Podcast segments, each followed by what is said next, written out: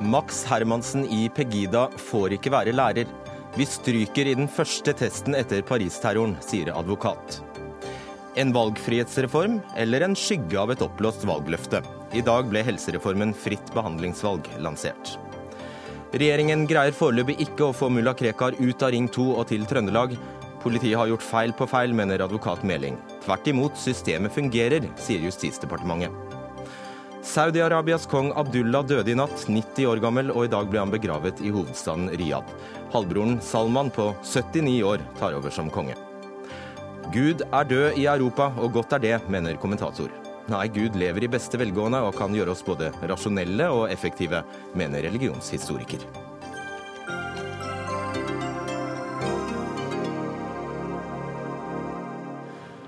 Mot slutten av sendingen skal vi innom Davos og høre hva statsministeren har gjort der. Velkommen til Dagsnytt 18, jeg heter Fredrik Solvang. Mannen som har frontet organisasjonen Pegida i Norge, Max Hermansen, er ikke lenger ønsket i jobben som lærer ved Opplæringskontoret for service og samferdsel i Oslo. Pegida er altså imot islamisering av Europa. Lederen for opplæringskontoret sier til NRK at verdiene deres stemmer dårlig overens med Hermansens synspunkter. Og da er det jo fint vi har deg her, Max Hermansen, så du kan eh, forklare dette. Hva er din reaksjon på at du ikke får fortsette som eh, lærer ved opplæringskontoret? Ja, Først og fremst er jo reaksjonen min at jeg syns det er synd. Jeg stortrives med å undervise. Jeg syns jeg har fått uh, meget bra resultater med den undervisningen jeg har hatt, også for opplæringskontoret. At det er og, og, de jeg har undervist, har jo vært et flertall uh, av, med muslimsk bakgrunn. Hva er dette opplæringskontoret? Dette opplæringskontoret er altså et kontor som hjelper bedrifter som da har et medlemskap i dette opplæringskontoret. Hjelper bedrifter til å få lærlinger. Velge ut lærlinger, underskrive kontrakt med de, ta det administrative rundt dette. Kan du forstå at de ikke lenger ønsker det? Det korte svaret på det er jo nei. nei. altså jeg, jeg, jeg, fronter jo en, en, vanskelig sak som er ømtålig, hvor det er masse følelser. Men jeg kan ikke se noe annet enn at jeg er nødt til å ta opp denne saken. Det er noen store problemer med den endrede demografien i Norge de siste tiårene. Jeg er nødt til å ta den opp. Jeg ser iallfall ikke noe ekstremt ved å gjøre dette her, og begynne å snakke om norske verdier og sånn. Er det et samvittighetsspørsmål for deg? Nei, men det er eh, altså Noen spør meg om jeg er redd for terror og at noen skal skade meg og sånt, men jeg er jo ikke redd for det. Det som jeg er redd for, er jo at uh, fremtiden til uh, alle i Norge, og da inkluderer jeg selvfølgelig den muslimske befolkningen i Norge, at fremtiden vår ikke blir så bra som det kunne blitt. Opplysningskontoret for service og samferdsel ønsket ikke å delta i Dagsnytt 18 i dag, men sier altså at verdiene deres stemmer dårlig overens med dine synspunkter. Har du noen gang behandlet eh, elevene dine forskjellig pga. religion? Hele tiden. På hvilken måte? Ja, altså, eh, ikke pga. religion, men pga. bakgrunnen. Også opplæringsloven sier jo også at jeg skal behandle elevene forskjellig. Eh, den sier jo at man skal undervise etter, etter den enkelte elevs forutsetninger. Så jeg skal jo behandle de forskjellig. Og jeg ser jo at eh, det er forskjell på om man har vokst opp i et norsk miljø eller i et av parallellsamfunnene i Norge. Eller om man bare har noen få år i Norge. Det er forskjellige behov. F.eks. når det kommer en elev inn på kontoret mitt eh, og sier 'Max, har du ringt?' Så, så, må jeg jo fortelle vedkommende at det er noen sånne her norske smalltalk som man godt kan komme med. Og så eh, 'Hei, Max, hvordan har du det?' Først før man liksom spør 'Har du hatt tid til å ringe?' Men det gjelder vel ikke akkurat muslimer? Jo, det er, det er, jo, jeg har jo da vært eh, over fem år i, i videregående skole. Og jeg eh, har fått uh, unge muslimske menn spesielt da, veldig tett inn på kroppen, kan man nesten bokstavelig si, si. Og det er også en, en, forskjellig bakgrunn, en veldig forskjellig bakgrunn hos disse i forhold til den vanlige norske elev. Greier du å skille rollen din som lærer og politisk meningsytrer? Hva skal jeg svare på det? Selvfølgelig. Svare ja. Selvfølgelig. Også jeg prøver jo iallfall det. Altså, ingen, ingen lærer er jo helt objektiv i alt man gjør. Det er jo umulig. Mm. Så skal vi høre et lite klipp fra et intervju du gjorde med NRK i forrige uke. Og eh, Der ble du intervjuet av NRK Ukeslutt sammen med en av dine muslimske elever. Eh, der sa du at du forholdt deg ulikt til norske og muslimske elever, og reporteren ba deg utdype. La oss høre på det. Fordi at eh, alle mennesker er forskjellige.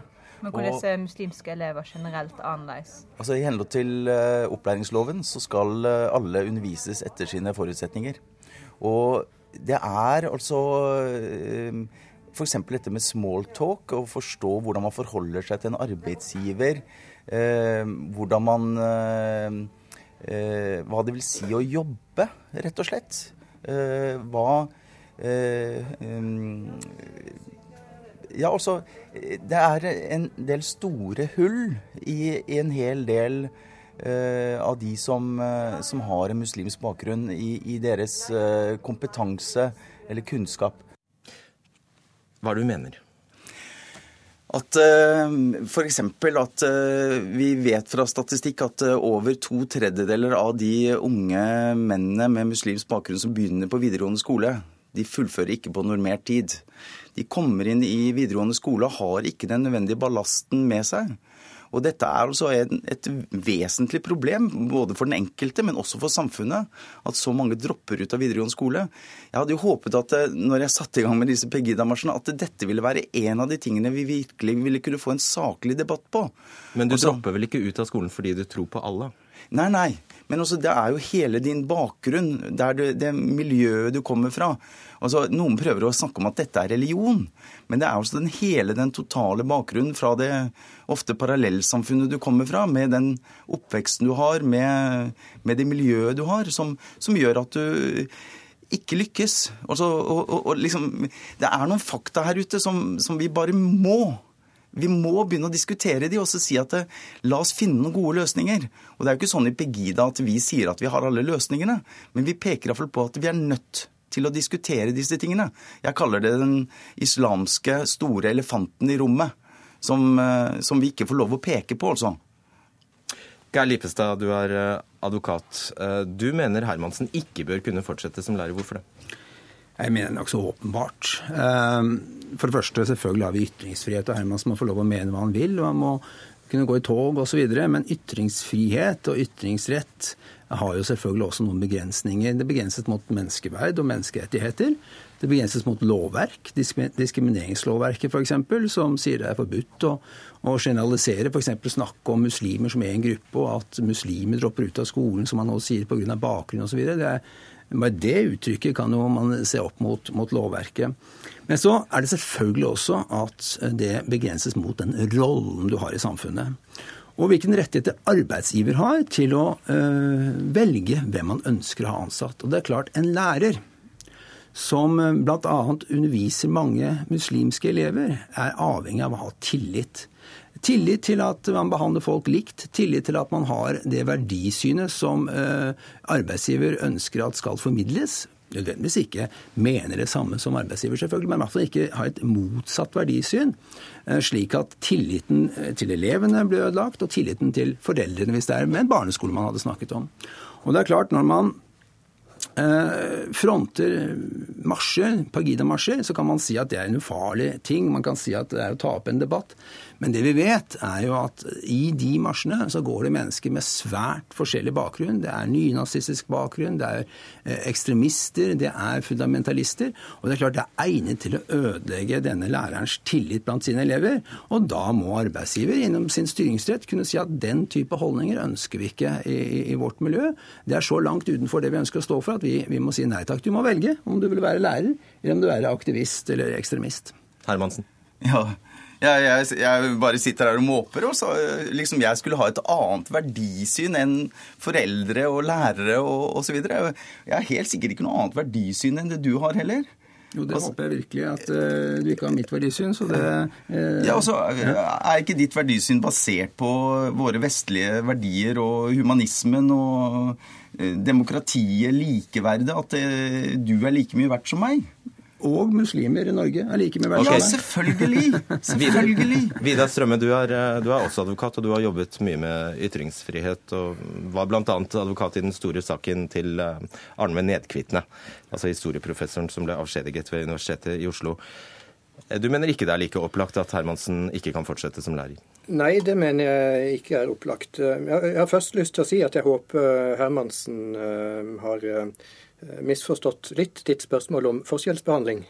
For hvis han faktisk forskjellsbehandler elevene, så er han ute å kjøre. Hvis han derimot mener å si at han behandler elevene forskjellig fordi at de har forskjellige forutsetninger, så er det greit. Men, og, der er det mulig at jeg ikke misforsto ham. Det er mulig at jeg misforsto ham. Så er jeg veldig uenig i det Lippestad sier om at det er uakseptabelt rettslig og moralsk å ha et forskjellig verdisyn, og at hans rolle skal legge spesielle bånd på ham. Jeg mener jo når det gjelder skal vi si, den alminnelige debatt, at det er eh, paradoksalt og litt trist at vi nå i ukevis har konkurrert om å være mest mulig for ytringsfrihet, og så kom det en mann som ikke går i takt, i hvert fall så lenge han ikke går i tog. Og så stryker vi i praktisk ytringsfrihet og, og, og begynner å gå løs på, på, Hermansen. Rettslig sett så er dette egentlig ganske klart, og jeg mener eh, at um, ytringsfriheten står sterkere enn det Lippestad gir uttrykk for. Jeg skal, jeg skal ikke nevne mange rettssaker, men en som folk kanskje husker, selv om det var på 80-tallet, det var lektor Hoås som bedrev eh, eh, fornektelse av jødeutryddelse. Eh, og han fikk avskjed, men Høyesterett understreket at det var fordi at han eh, blandet det inn i undervisningen, og altså prediket feil historie. Hermansen, du kan jo øh, bare for, først som sist øh, få avklare hva du mente med dette med forskjellsbehandling. Ja, altså Det er jo det som han øh, ikke har du misforstått. Du handler ikke på bakgrunn av religion? Nei, selvfølgelig ikke. Og så igjen, det er de humanistiske verdiene som ligger til, til, grunn for både det jeg mener politisk og det jobben min som lærer og, og, og, som skal styre meg i livet mitt. Og det er jo også disse verdiene som en god del mennesker nå mener er uh, skikkelig utfordret i det norske samfunnet. Og at vi er nødt til å gjøre noe med dette. Altså, se, gå inn i en hvilken som helst moské, så sitter også damene på bakrommet, hvis det er noen damer der i hele tatt i Norge. Men du kan ikke holde unge muslimer hver enkelt av dem ansvarlig for det? Nei, altså jeg holder jo eh, disse parallellsamfunnene, disse muslimske samfunnene vi har i Norge, ansvarlige. Altså Vi må gjøre mer sånn at eh, disse menneskene får det bedre i Norge. Og Det må man bl.a. gjøre ved at uh, man begynner å tilpasse det til norske verdier. Jeg mener jo at norske verdier er universale de, de, bør jo gjelde i hele verden. La oss prøve å komme tilbake til det, til det at du eh, ikke får fortsette som lærer. Lippelstad, hvor går da grensen? Altså, Kan en skipper, en bilselger, en sykepleier eh, ha, ha avvikende meninger? Her, altså, Avvikende mening kan man selvfølgelig ha. Det er ikke det det handler om. Men det handler om også om roller. Altså Ytringsfrihet har vi. Du sier at man skal ringe ut ytringsfrihet etter det som skjedde i Paris. Altså, ytringsfrihet har en masse begrensninger, og det kommer an på hvilken rolle vi har. At en, avisredaksjon har en absolutt ytringsfrihet, det er klart. Men en politiker, en statsleder, må ha noen begrensninger. Han må ha et, et syn på I sitt land bor det muslimer, der bor det kristne, bor det humanetikere, og man må uttale seg også under litt hensyn til det. Menneskeverd, menneskerettigheter. Og det er klart, F.eks. en dommer i Oslo tingrett, hvis han går ut og sier at jeg eh, syns at muslimer ikke har noe å gjøre her i Norge, kan ikke fortsette som dommer i Oslo tingrett. Nå har han jo ikke sagt det, da. Nei, men jeg sier som eksempel. Mm. Så, så vil, vil, han ikke kunne fortsette som dommer, fordi han har eh, kanskje neste dag en sak hvor nettopp eh, en muslim kommer for han eh, for retten. Så man må se på hvilken rolle en person har. Og en lærer er en, en, en tillit som, som, må være verdig en tillit. Og, og det er klart at, at, eh, de muslimske elevene dine må jo reagere på den holdningen du har. Og at hele verden skal ha norske verdier, det, det er jo eh, litt pussig i seg selv å si. Strømme, er det ikke naturlig at visse yrkesgrupper som lærere har en noe begrenset ytringsfrihet, fordi de fort kan komme i skade for å krenke andre? Grensen går nok ved de typene jobber hvor det blir umulig å skille mellom fritid og jobb. Dommeren som Lippestad nevner, kan ikke si sånne ting, for da kan han ikke gjøre dommerjobben sin. Eh, Hermansen kan nok mene ganske mye, og likevel være, eh, være lærer, vil jeg mene. Hermansen, helt til slutt, hva gjør du nå? Har du en jobb? Hva, hva skjer? Ja, altså Jeg er jo sykemeldt, dessverre, da, fra denne jobben min som eh, lærer ved to videregående skoler i, i Oslo det er rett og slett eh, farlig for meg å, å, gå på den skolen eller eh, disse to skolene. Det er eh, en del unge muslimske menn som er rimelig aggressive. Og ute etter deg? Ja, altså noen av de er nok ute etter meg og kan finne på å slå inn tenna på meg. Vi lar det være med det. Takk skal dere ha, Max Hermansen, Vidar Strømme og Geir Lipstad. Dagsnytt 18 alle hverdager kl 18.00 på NRK P2 og NRK2.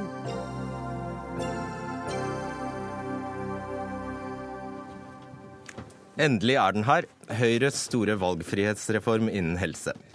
Med fritt behandlingsvalg skal ventelistene kuttes, og pasientene skal slippe å stå månedsvis i kø fordi helseregionene ikke har råd til flere private behandlingsplasser. Men hvem skal sette denne stykkprisen for en komplisert rusbehandling, og hvem skal betale, og hvor mye mer byråkrati vil reformen avle? Helse- og omsorgsminister Bent Høie fra Høyre, hva er fritt behandlingsvalg?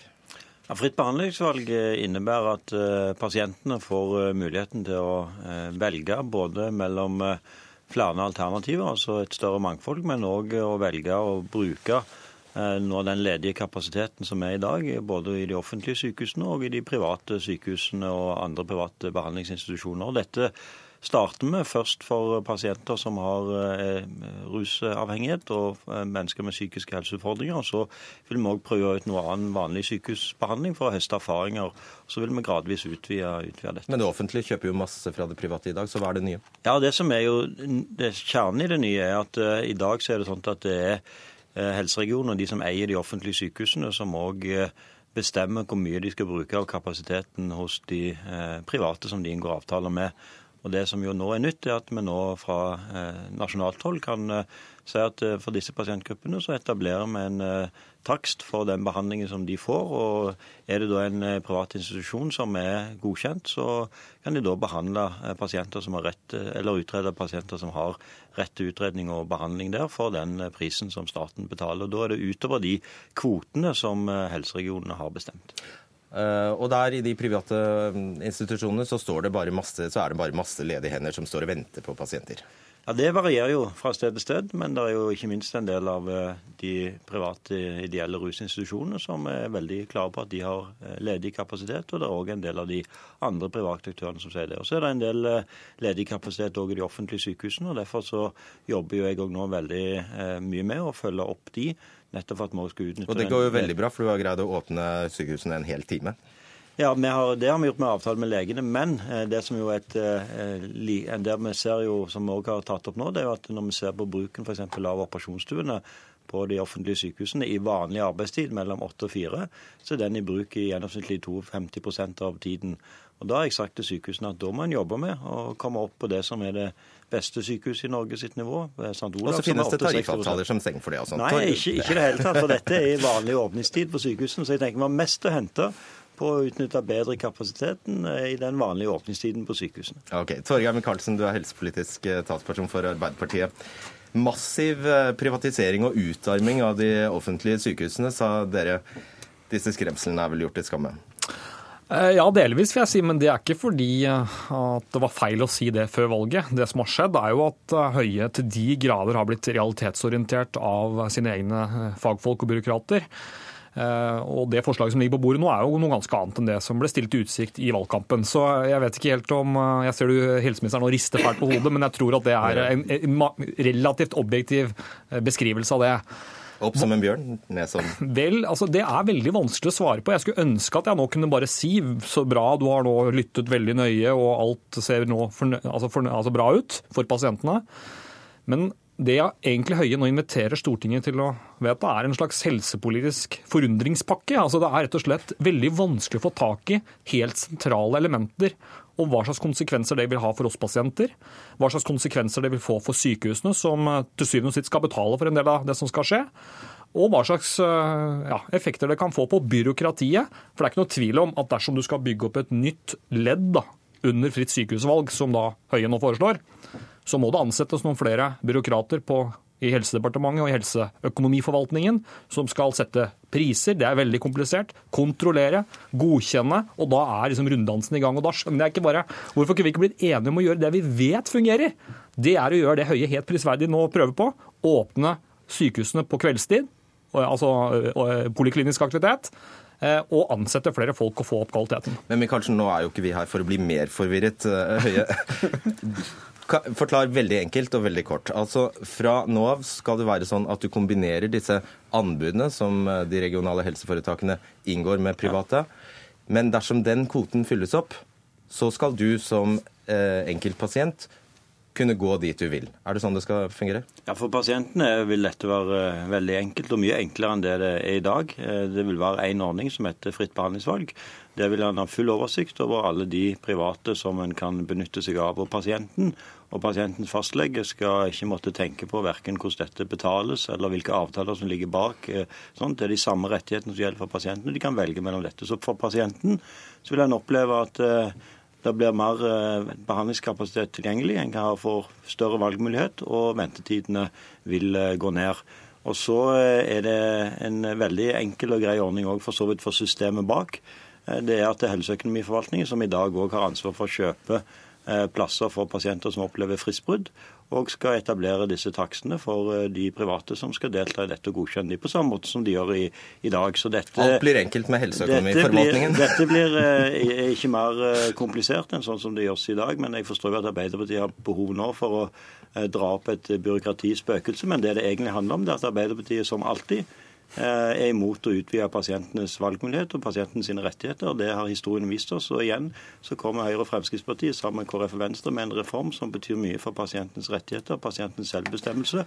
Og Arbeiderpartiet kommer alltid med redsel for systemet, men det er historien som gjentar seg. Okay. Anne Mathisen, du er politisk rådgiver i Mental Helse, og regjeringen starter med rus og psykiatri. Og dere sendte ut en nokså gledesstrålende pressemelding allerede før Bent Høie holdt sin pressekonferanse i dag. Hva er dere så fornøyd med?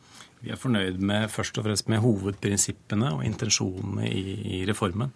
Fordi For oss representerer denne eh, ganske viktig dreining mot eh, sterkere medvirkning fra brukerne. Det gjelder både rus og psykiatri. For der har man jo eh, For det første har man tusener i psykisk helsekø, og atter tusener i, i kø for rusbehandling. Og mennesker som må vente i månedsvis. Og det er helt uholdbart. Så hvis det kan redusere ventetid, så kan det få dramatisk god effekt.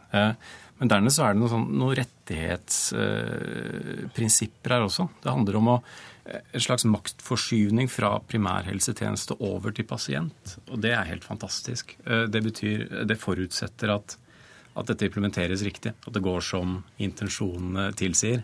Eh, og det gjenstår å se, selvfølgelig, for det er noen, si, noen tekniske utfordringer. Det sier seg selv med så stor reform. Men, men det som går på eh, mer makt til brukerne, Eh, innen psykisk eh, helse og rus, det er rett og slett bare å applaudere. Og dine brukere, mm. eller de brukerne vi snakker om her, er vel kanskje de aller svakeste ofte. Ja. Hvordan skal de være i stand til å begynne å shoppe helsetjenester? Det er en av utfordringene. Altså, dette forutsetter jo at, at primærhelsetjenesten og legene bidrar godt til at pasientene får foretatt, blir i stand til å foreta kvalifiserte valg. Kompetanse hos brukeren. Og øh, det er en av utfordringene, men, men, eh, vi forutsetter at det følges opp på en åpen måte da, og profesjonell måte. Og så kreves det personell her. Eli Gunhild By, du er eh, forbundsleder i Norsk Sykepleierforbund. Finnes alle sykepleierne Bent Høie trenger til denne reformen? Nei, det er vel det som er litt av problemet. Eh, i det helseministeren la frem i dag, så, så sier han bl.a. At, at det er for dårlig utnyttelse av operasjonsstuene. Nå er det jo sånn at det blir ikke noe flere eh, operasjonssykepleiere ved at man eh, får flere private sykehus. Det er allerede i dag veldig stor mangel på operasjonssykepleiere. Og det er en av grunnene til at vi ikke får behandla pasientene eh, på en god nok måte og på en hurtig nok måte. Eh, så det setter stengsler.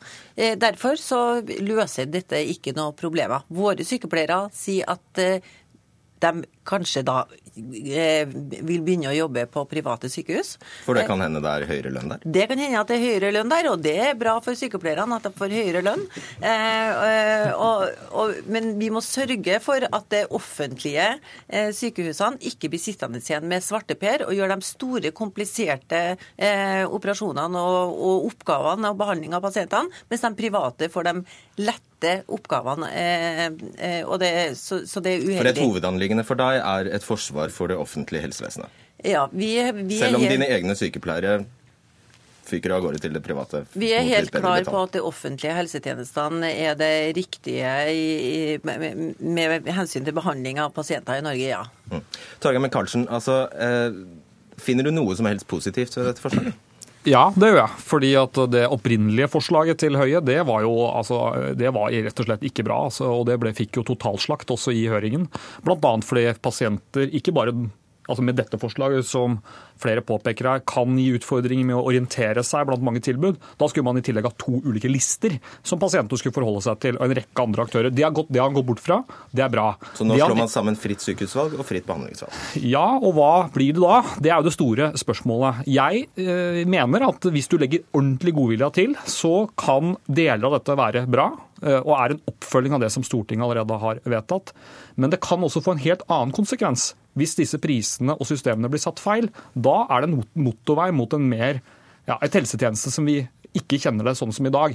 Og Det er det som er så problematisk, at han ikke klarer ordentlig å svare på dette i dag. Høye, kort til det. Altså, Du sier at uh, denne stykkprisen skal ligge under anbudsprisen, og anbudsprisen vil formodentlig være den aller laveste prisen i markedet. Hvem skal da gidde å tilby disse tjenestene? Ja, det er jo fordi at De aller fleste av disse private som da skal tilby fritt behandlingsvalg, de har jo da òg anbud.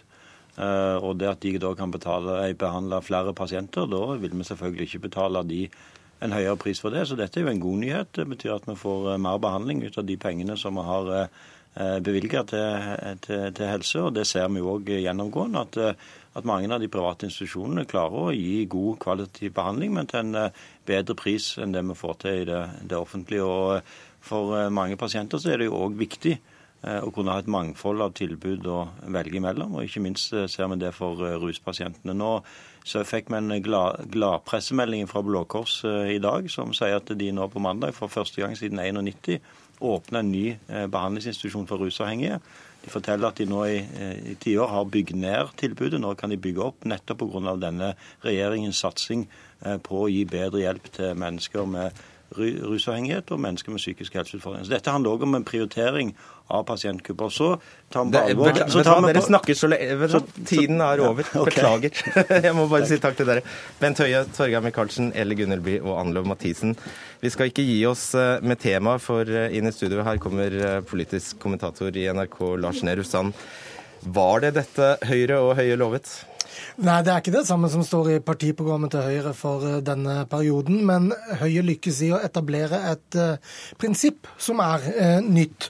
Og så har han jo også endra konseptet sitt fra det han sendte ut på høring. Men han går han får etablert noe som er nytt, og i tråd med, eller inspirert av, det som ble lovet. Eh, det var vel kanskje de færreste som egentlig har forstått eller skjønt hva fritt behandlingsvalg skulle være for noe. Og i dag kom altså svaret. Har vi blitt noe klokere? Det er litt klarere å forstå eh, hva slags konsept dette er enn det var i valgkampen, fordi man nå får det eh, presentert med, med, lovendringer. Men det er eh, veldig mange spørsmål som fortsatt står ubesvarte. Mange av de handler om økonomi, både hvor mye det vil koste, hvor mange flere eh, behandlingstimer som nå blir lagt ut på dette markedet, hvor vi kan, kan shoppe, hvor mye vi kan shoppe for. Og, og, hvor pengene skal tas fra. Og hvor pengene skal tas fra som nok finansministeren kommer til å spørre Høie om i, i løpet av året. Eh, og så er det jo, som du også var inne på litt i diskusjonen her, det blir jo ikke nødvendigvis flere eh, helsepersonell på, på, norsk jord i, i, noe eh, stort omfang på kort sikt fordi man lager denne reformen.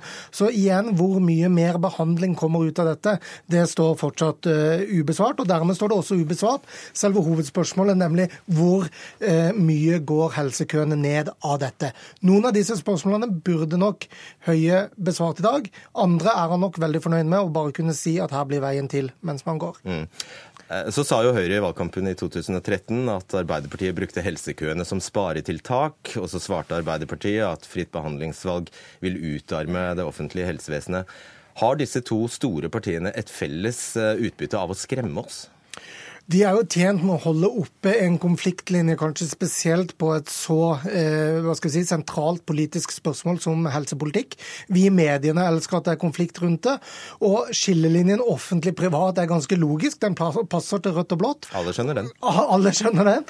Eh, og det, det, går rett inn i, i, selve forståelsen av den politiske skillen, eh, eller skillelinjene. Så, sånn sett så har de tjent på at denne konflikten har, uh, har vært der, og sikkert også begynt boosta den mer enn det kanskje har vært eh, grunnlag for. For Arbeiderpartiet er jo positiv til private innslag i helsevesenet, og Høyre er tjent med et samfunn som det norske er tufta på, hvor det offentlige helsevesenet er det beste og mest omfattende. Tusen takk skal du ha, Lars Nehru Sand, politisk kommentator.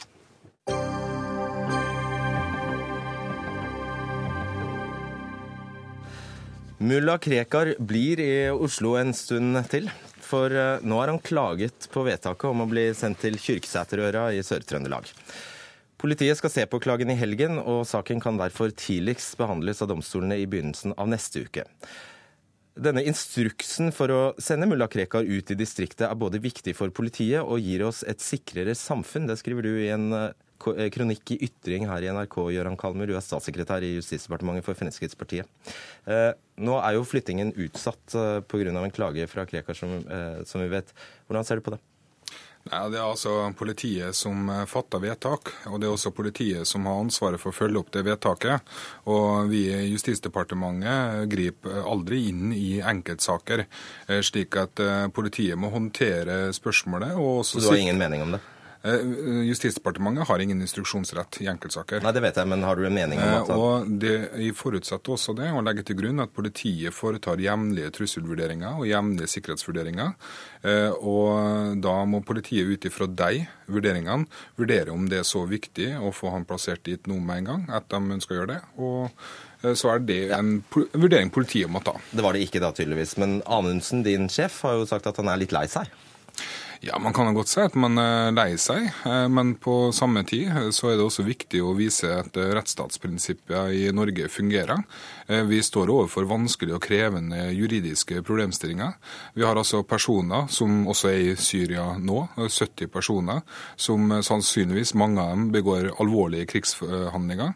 Hvordan skal vi håndtere dette her innenfor rettsstatens prinsipper, uten at de skal slippe unna med det å gå drap på uskyldige og Eh, og slike ting i Syria, bare fordi vi ikke kan etterforske det. Ja. Eh, så har du altså fått et 20-siders eh, klagedokument i fanget. Eller det har kommet inn et 20-siders Det har ikke kommet til Justisdepartementet. Det har ikke kommet til deg, men det har kommet inn et 20-siders klagedokument fra advokat Meling. Hvilke punkt ser du for deg det kan så sterkest tvil om? Nei, Det ønsker jeg ikke gå inn på i hele tatt. Eh, det er altså slik at eh, både Norge, eh, Storbritannia og Tyskland har en hjemmel til å kunne ilegge slike restriksjoner og meldeplikt for personer som er utvist. Det er et bredt flertall på Stortinget som har gitt politiet og Justisdepartementet denne hjemmelen her nå. Vi har sagt det at denne skal være hovedregelen hvis det er snakk om personer som er utvist pga. Nasjonal, grunnleggende nasjonale interesser, men så må det alltids gjøre en individuell vurdering i hver enkelt sak om vilkårene er til stede. Men det kunne ikke ha kommet som noen bombe at det blir en ny rettsrunde om Krekar nå? Nei, det står direkte i loven det, at man har en rett til å, å, prøve den saken for retten. Så det er ikke noen overraskelse. Noe av det som blir diskutert aller mest nå, det er jo om eh, denne instruksen Uh, som da sier at Krekar eller andre i hans uh, situasjon skal plasseres utenfor store byer. Om det faktisk, uh, om departementet har anledning til å instruere politiet på den måten. Hva tenker du om det? Nei, altså Det står også klart i loven, utlendingsloven at uh, vilkåret om nødvendighet og forholdsmessighet må være oppfylt. Uh, og det står også klart i instruksen at det må vurderes konkret for hvert enkelt tilfelle. Men dette med store byer fant dere på? Slik at hvis man f.eks. I, i hver enkelt sak ikke har, ser det at her er det vilkåret er oppfylt for å kunne plassere ut av en storby, så er ikke vilkåret oppfylt for det, og da kan man ikke gjøre det heller. Men da er jo alt dette fiasko? For deres del? Overhodet ikke. Det er altså kjempeviktig å understreke det at eh, lovens vilkår må være oppfylt i hvert enkelt tilfelle. Men det betyr ikke at eh, ikke personer eh, kan bli plassert ute av byen, og ute av det området der de kan komme i kontakt med personer som, som de kan påvirke, f.eks. Mm. Hva tror du folk som sitter rundt i de tusen hjem nå, og som ser, ser, ser det som skjer, hva tror du de tenker? Ja, altså, Jeg får håpe de tenker litt sånn eh, samme som det jeg gjør angående denne saken. her nå. Vi skal altså møte krefter eh, med rettsstatens prinsipper. Det kan være krevende, all den tid dette er ofte personer som ønsker å undergrave rettsstatens prinsipper, undergrave demokratiet. Eh, det er altså slik at Vi står overfor personer som reiser til utlandet, begår forferdelige overgrep mot uskyldige mennesker, kommer tilbake igjen til Men, Europa. Unnskyld, tror du ikke de tenker at herregud da, Frp, kom igjen? Dere som har vært så store i kjeften. Jeg, jeg tror det er um, viktig at uh, alle viser det at uh, når vi har et rettssamfunn, så skal vi følge de spillereglene som gjelder i et rettssamfunn. Vi skal ta vare på grunnloven vår. Det er den aller viktigste verdien vi har i Norge. Uh, men vi skal også være effektive og ha et effektivt virkemiddel mot personer som er utviste, men som ikke kan sendes tilbake. I motsetning til den forrige regjeringa, så ønsker vi å gjøre bruk av denne hjemmelen med å ilegge slike personer restriksjoner på bosted og meldeplikt.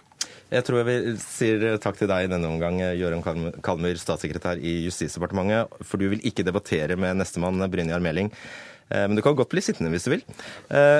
Ja, Brynjar Meling, du er altså eh, mulla Krekars advokat. Dere har levert en 20-siders klage.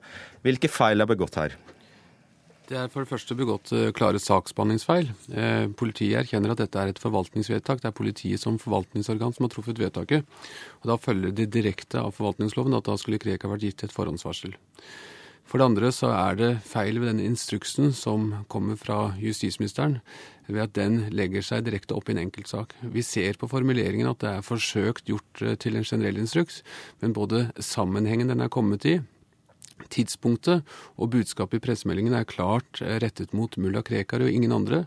Og det er heller ikke kommet fram eksempler utover generelle vendinger om andre personer denne skal få anvendelse for. Og da er det jo helt åpenbart at dette er en instruks i en, i en enkeltsak, og blir brukt som en instruks i en enkeltsak. Og det er det ikke adgang til, heller ikke etter paragraf 105 i utlendingsloven. Ja, bare fortsatt. Ja, jeg, jeg, vet ikke når sendinga slutter. Det er 20 sider, dette her. ja, nei, nei, helst ikke alle 20. Nei. Eh, videre så har vi tatt for oss dette med forholdsmessighet og nødvendighet. Eh, det er jo interessant at Kallemyr sier at man skal hindre at han kommer i kontakt med sin likesinnede. Da har enten Kallemyr ikke kunnskap om Krekar-saken, eller så taler han mot bedre vitende.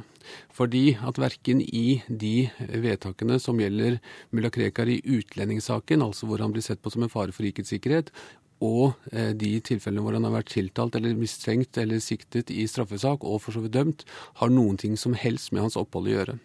Men jeg må spørre deg, altså alle skjønner jo at dette gjelder Krekar. og Utlendingslovens paragraf 105 gir jo politiet da hjemmel til å pålegge utlendinger meldeplikt og bestemt oppholdssted hvis vedkommende utgjør en trussel mot grunnleggende nasjonale interesser, men er vernet mot retur. Dette er jo Krekar. Ja, du kan spørre om det var Krekar allerede den gangen i, i 2009, når det ble vedtatt. Ja. Eh, og vi har i hvert fall ikke sett noen andre tilfeller, andre eksempler hvor denne, er, hvor denne, hvor denne hjemmelen er blitt forsøkt brukt eller påstått anvendt. Eh, og da er det jo slik at man faktisk i dansk rett har hatt eh, avgjørelser hvor Høyesterett har satt til side lover, fordi det er åpenbart at lover er truffet for å ramme i enkeltsaker, og det er det ikke adgang til. Eh, sånn at denne saken reiser mange store og prinsipielle spørsmål. Du, Hva skal til for at du sier til din klient at nei, du, nå gir vi oss her, er ikke flere runder i denne saken? nå? Nei, Det som skal til, er at uh, vi får en litt mer edruelig tilnærming til mulla Krekar ute i samfunnet generelt, og fra politisk hold spesielt, da hadde det ikke vært noen grunn til å gå videre med mulla Krekar-saken. Jo, Nå har jo motparten fått et poeng med at mulla Krekar er dømt for trusler. Men da bør man også stoppe et øyeblikk opp og spørre hva disse truslene han er dømt for, er for noe. Det er altså uttalelser som har en klar normativ karakter, hvor han har sagt f.eks. at den som tar en avgjørelse som medfører at jeg havner i galgen, den må betale sitt, med, med sin ånd. Og Det ble sett på som en drapstrussel mot Erna Solberg. Så har han sagt om tre kurdere at eh, vi kan ikke leve under samme tak. Enten lever dere, eller så lever vi. Eh, det ble sett på som en trussel mot eh, en av kurderne. Og tilsvarende uttalelser. Altså det er, det er normative utsagn han er dømt for. Det er ingen straffbare handlinger av Altså handlinger som kan knyttes til mulla Krekar i hele den perioden han har vært i Norge. Altså Han er en mann som snakker, og det er heller ikke utledet noen straffbare handlinger av at han skal ha gitt noen ordrer eller beordret eller tilskyndet noe som helst. Så da må man få litt edruelig forhold til det der. Og Det er jo fryktelig trist at ikke Kallemyr vil møte til diskusjon og debatt. For det tror jeg kunne vært både nyttig for han og fått litt mer kunnskap om hva Krekar-saken dreier seg om, og at de kunne fjerne seg fra den politiske retorikken. Det får så, kanskje bli neste gang, Brynja Meling. Jeg må det, si takk til deg i denne omgang.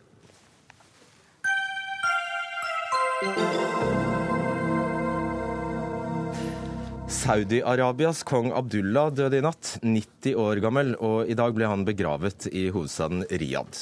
Halvbroren Salman tar over som konge, og Saudi-Arabias nye konge er 79 år gammel. Han har utpekt lillebroren på 69 til kronprins. Nils Butenschøn, du er professor ved Senter for menneskerettigheter ved Universitetet i eh, Oslo. Ja, dette var litt av en foryngelse? Ja, nei, altså Dette eh, er et eksempel på et stort problem i mange av disse gulfmonarkiene. Eh, nemlig den svært aldersbesteget eh, ledelse. Og eh, når det gjelder Saudi-Arabia, så er det jo fortsatt andre generasjon eh, som styrer dette landet, eh, og som ble grunnlagt av Abdelaziz i 1932. Så, så, han hadde jo 22 koner, og man har nå til sammen ca. 7000 prinser. Så det er mye å ta av. Men man er fortsatt altså bare i andre generasjon. Og Hvordan finner man da ut hvem av disse 7000 som skal bli konge? Jo, det er altså Abdullah, kong Abdullah opprettet et eget råd i 2006 eh, som skal håndtere eh, det spørsmålet, som er da innenfor familien. Eh, og eh, nå er det jo med kongedømmet i Saudi-Arabia, til forskjell fra f.eks. For vårt, at det er ikke eh, sønn som etterfølger far hele tiden, men det er brødre gjerne ikke sant, i én generasjon, før man da går over til neste generasjon. Og Når man altså kommet opp i Abdullah var 90, og så kommer altså da Salman som er ca. 80 og i dårlig helse. Og det er, eh, det, er, det er, flere som eh, En til som det kan være, men han er også et, et, stort spørsmål.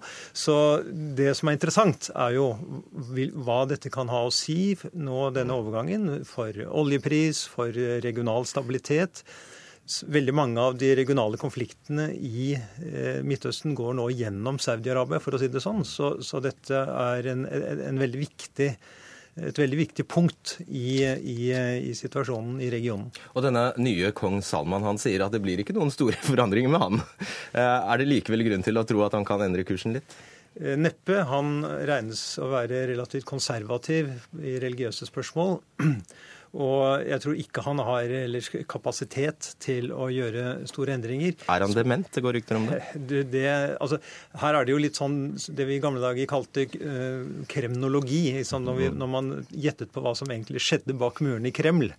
Uh, noe særlig mer åpenhet er det ikke snakk om her. Så det er vanskelig, det er vanskelig å få helt, helt sikre opplysninger. Men, men eh, vi kan nok ikke regne med noen, noen store endringer. Eh, men det er klart et sånt skifte kan eh, trigge kanskje andre grupper i, i samfunnet som vil prøve å påvirke utviklingen. La oss komme tilbake til det. Kjell Magne Bondevik, leder av Oslo-senteret for fred og menneskerettigheter og tidligere statsminister. Du er altså en av veldig få nordmenn som har møtt den nye kongen i Saudi-Arabia. Hva slags inntrykk fikk du? Ja, det var for halvannet år siden. Jeg var på en rundreise i Midtøsten. Eh, Saudi-Arabia, Israel, palestinske områder. Eh, og det var et eh, interessant møte. Han var en god samtalepartner. Han fungerte bra. Diskuterte rasjonelt. Eh, så disse ryktene om eh, sykdom og demens kunne ikke vi i hvert fall eh, registrere eller bekrefte. Tvert imot, vil jeg si. Det kan jo ha skjedd selvsagt noe på halvannet år etter den tid. Det var jo i realiteten han som også da styrte landet, fordi kong Abdullah da var såpass syk at han som kronprins da styrte, og nå altså tar over. Mm. Hvor stor uh, uenighet er det Jeg vet ikke hvem av dere som skal, er best til å svare på det, men hvor stor uenighet er det internt i denne, 7000, uh, eller denne familien på 7000 medlemmer? Uh, ja, Det kan gjerne Butenschøn, som er mer ekspert på Saudi-Arabia enn meg, si noe om. Men mitt inntrykk er jo, som Butenschøn var litt inne på, at det blir ingen stor forandring med Salman som ny konge. For han har i realiteten styrt dette landet en stund allerede. Det vi diskuterte når vi var der, var først og fremst Saudi-Arabias eh, rolle i den israelsk-palestinske konflikt. For dette er jo det store ved siden av Egypt, sunnimuslimske landet. Eh, og eh, en ledende nasjon i Den arabiske liga. De tok et fredsinitiativ i 2002. Og når jeg var der for halvannet år siden, så var det for å oppmuntre det til, sammen med USA og utenriksminister John Kerry, å prøve å få i gang igjen og få fart i de israelsk-palestinske forhandlingene. Det var han positiv til De gjorde det. De sendte en utenriksministerdelegasjon fra Den arabiske liga til Washington. Men som kjent, de forhandlingene som så fulgte, de feila igjen som så mange ganger før, men den kommer ikke utenom Saudi-Arabia, tror jeg, hvis en skal få til en løsning mellom Israel og Palestina. Fordi palestinerne er så avhengig av Den arabiske liga og dermed Saudi-Arabia. Israel er jo som kjent veldig avhengig av USA. Og disse to land er jo nære koalisjonspartnere, paradoksalt nok, altså USA og Saudi. Ja, det er rørende, denne alliansen. Eh, altså, oljeprisen stiger. Hvorfor det?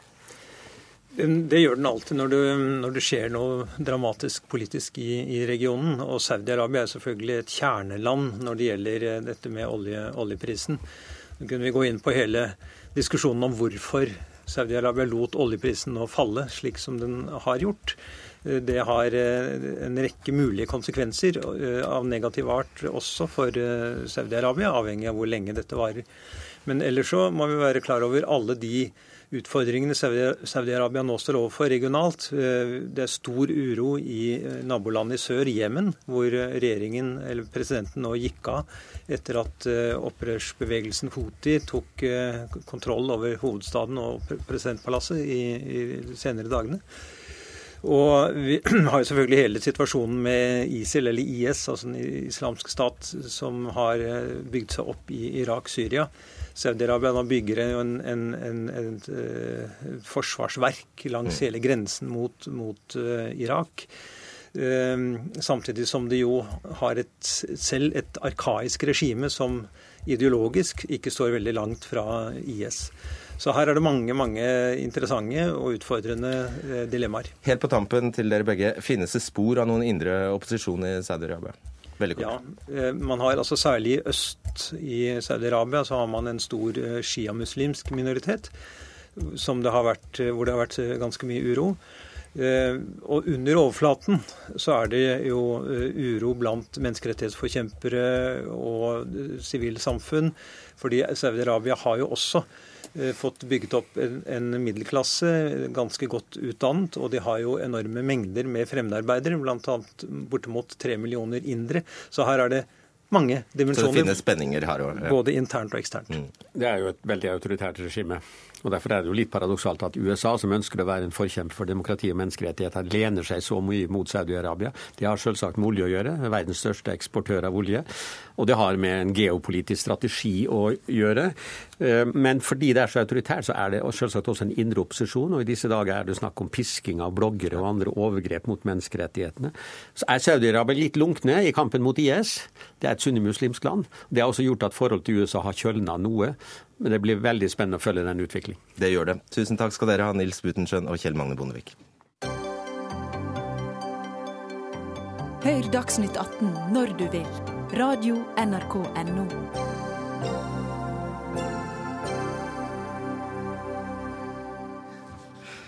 Terror har preget starten på 2015. Debatten går nå om hvilken rolle islam spiller for å motivere til ekstremistisk vold. Mange mener det er ekstreme tolkninger av religionen islam som er problemet.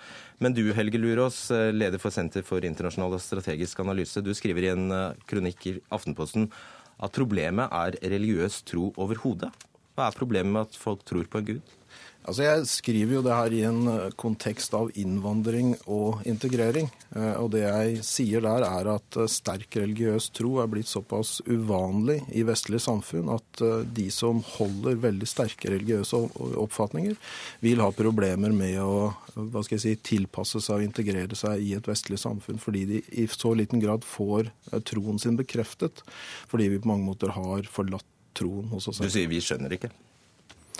Nei, altså vi, vi, forstår nok ikke hvor sterk påvirkning en, en bokstavelig oppfatning av Guds eksistens en faktisk kan ha på mennesker, og at det kan være problematisk for dem å komme til samfunn hvor gudstroen er så svak som han er. Og Det kan få en rekke resultater for de menneskene og for de gruppene. Det ene er at de vil kunne holde seg for seg selv for å få bekreftet sin egen tro. Og det andre er en usikkerhet som kan komme rundt og møte mennesker som ikke tror eller holder de samme som jeg for så vidt også sier, irrasjonelle tankene som dem selv. La oss gå tilbake til premisset for hele kronikken din, nemlig at vi er helt sekularisert i Europa. Cecilie Endresen, du er religionshistoriker. Stemmer dette? Det stemmer at vi er ganske sekularisert, men det stemmer ikke at eh, alle er blitt ateister. Um, For det første så viser det seg jo at eh, to tredjedeler av folk i Vest-Europa f.eks. For fortsatt tror på Gud. Selv om de ikke går i kirken og ikke hører på hva presten sier og osv. Um, dessuten tror folk på veldig mye annet også. Uh, mange tror på sjelva, andre gjør magi.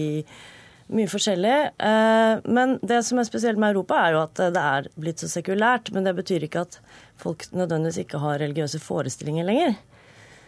Men så sier du at uh, Lurås mistenkeliggjør minoriteter. På hvilken måte da?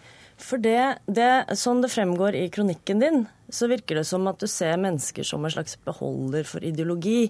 Og bare det, bare det at de i seg selv tror på en gud som har skapt eh, universet og sånn, eh, at det i seg selv gjør at det skal eh, tas fullt ut i alle dagliglivets små gjøremål og bli, nødvendigvis bli politisk.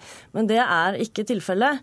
For det, for det, første så er det da veldig veldig mange mennesker som tror på Gud, som eh, fortsatt eh, syns demokrati er fint og kjemper for det, og syns menneskerettigheter er fullt forenlig med, med religion og hellige skrifter, og tolker det i mange forskjellige retninger.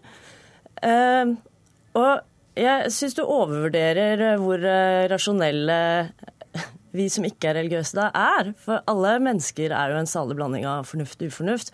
Altså masse ateister også masse illusjoner og tro på ting som ikke kan bevises.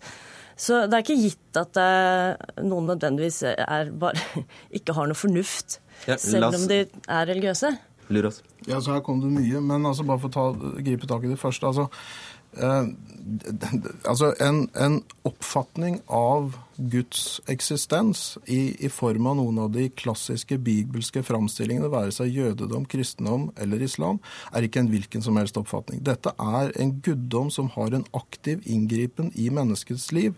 Når det gjelder islam i dag, så er det fortsatt en oppfatning om at det var en gullalder på profetens Mohammeds eh, tid, og at, ingen, og at profeten Mohammed er ufeilbarlig og et eksempel for eksistens i dag.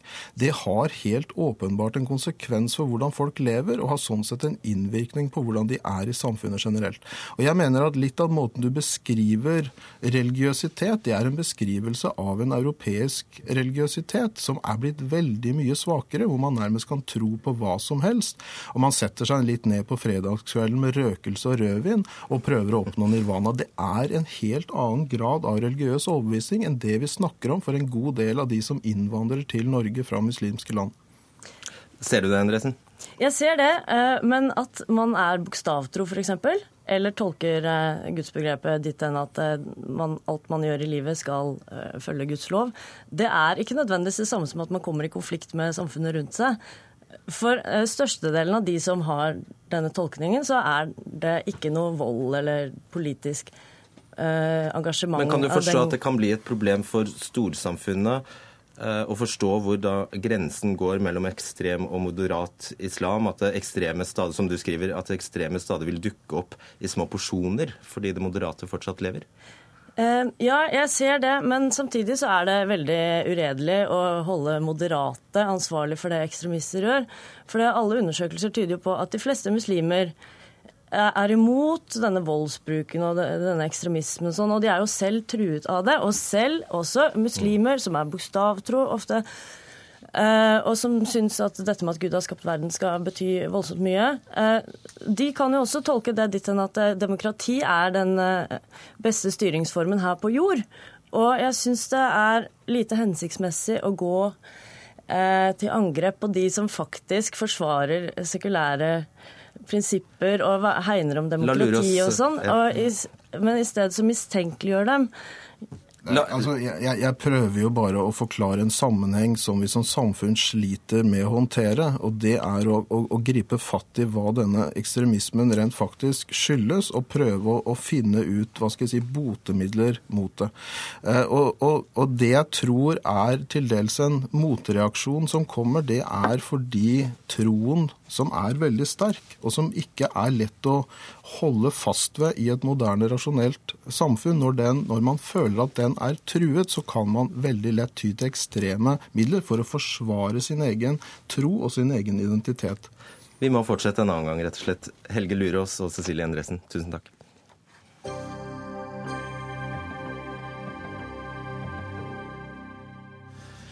Verden etter finanskrisen har vært hovedtema på Verdens økonomiske forum sitt møte i Davos i Sveits. Der er 2000 deltakere fra politikk og næringsliv samlet fram til søndag.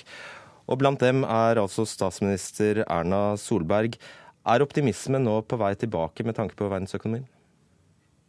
Jeg vil da kanskje ikke si at optimismen er der, men eh, det er nok sånn at, eh, at det er eh, et håp om en positiv, mer positiv utvikling, særlig på bakgrunn av at den europeiske sentralbanken jo har levert litt mer pengemessige stimulanser. Men det er nok en veldig klar beskjed til, om at det må også følges av strukturgrep for å skape jobbene.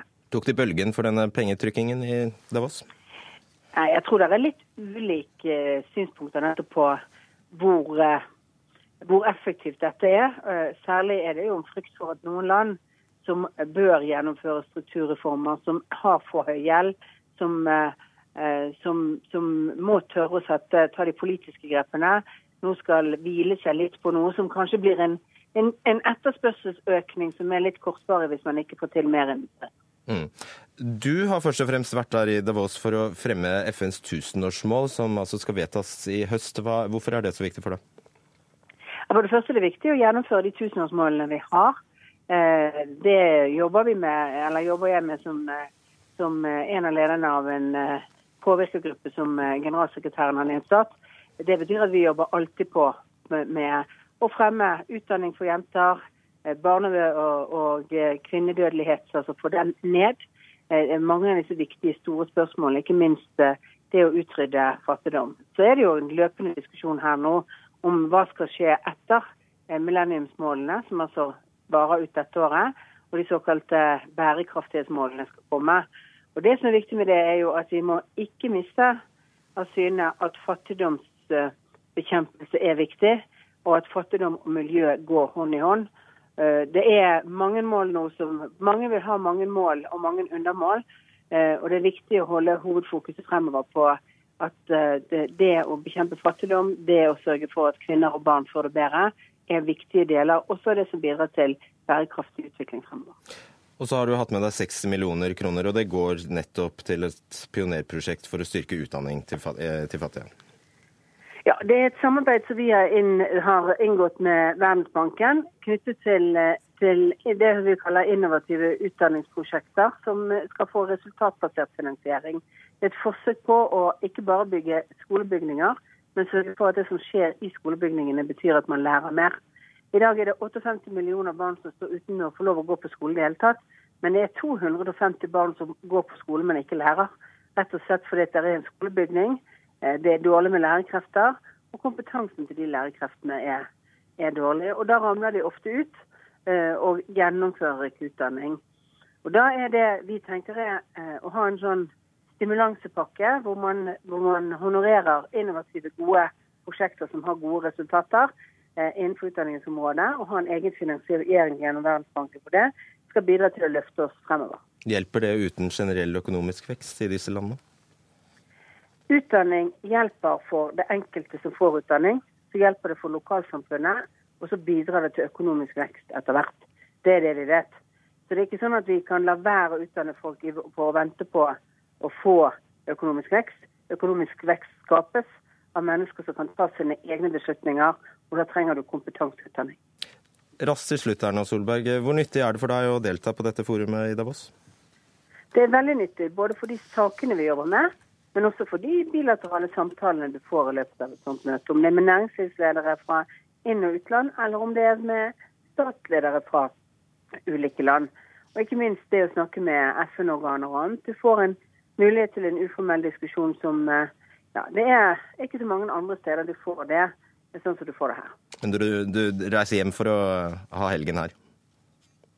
Ja, jeg kommer igjen eh, når dette møtet slutter jo i morgen, ja. morgen ettermiddag, og da reiser jeg igjen. Takk skal du ha, Erna Solberg. Da skal jeg bare si at ansvarlig for sendingen var Berit Ytrehus. Teknisk ansvarlig Frode Thorshaug, og jeg heter Fredrik Solvang.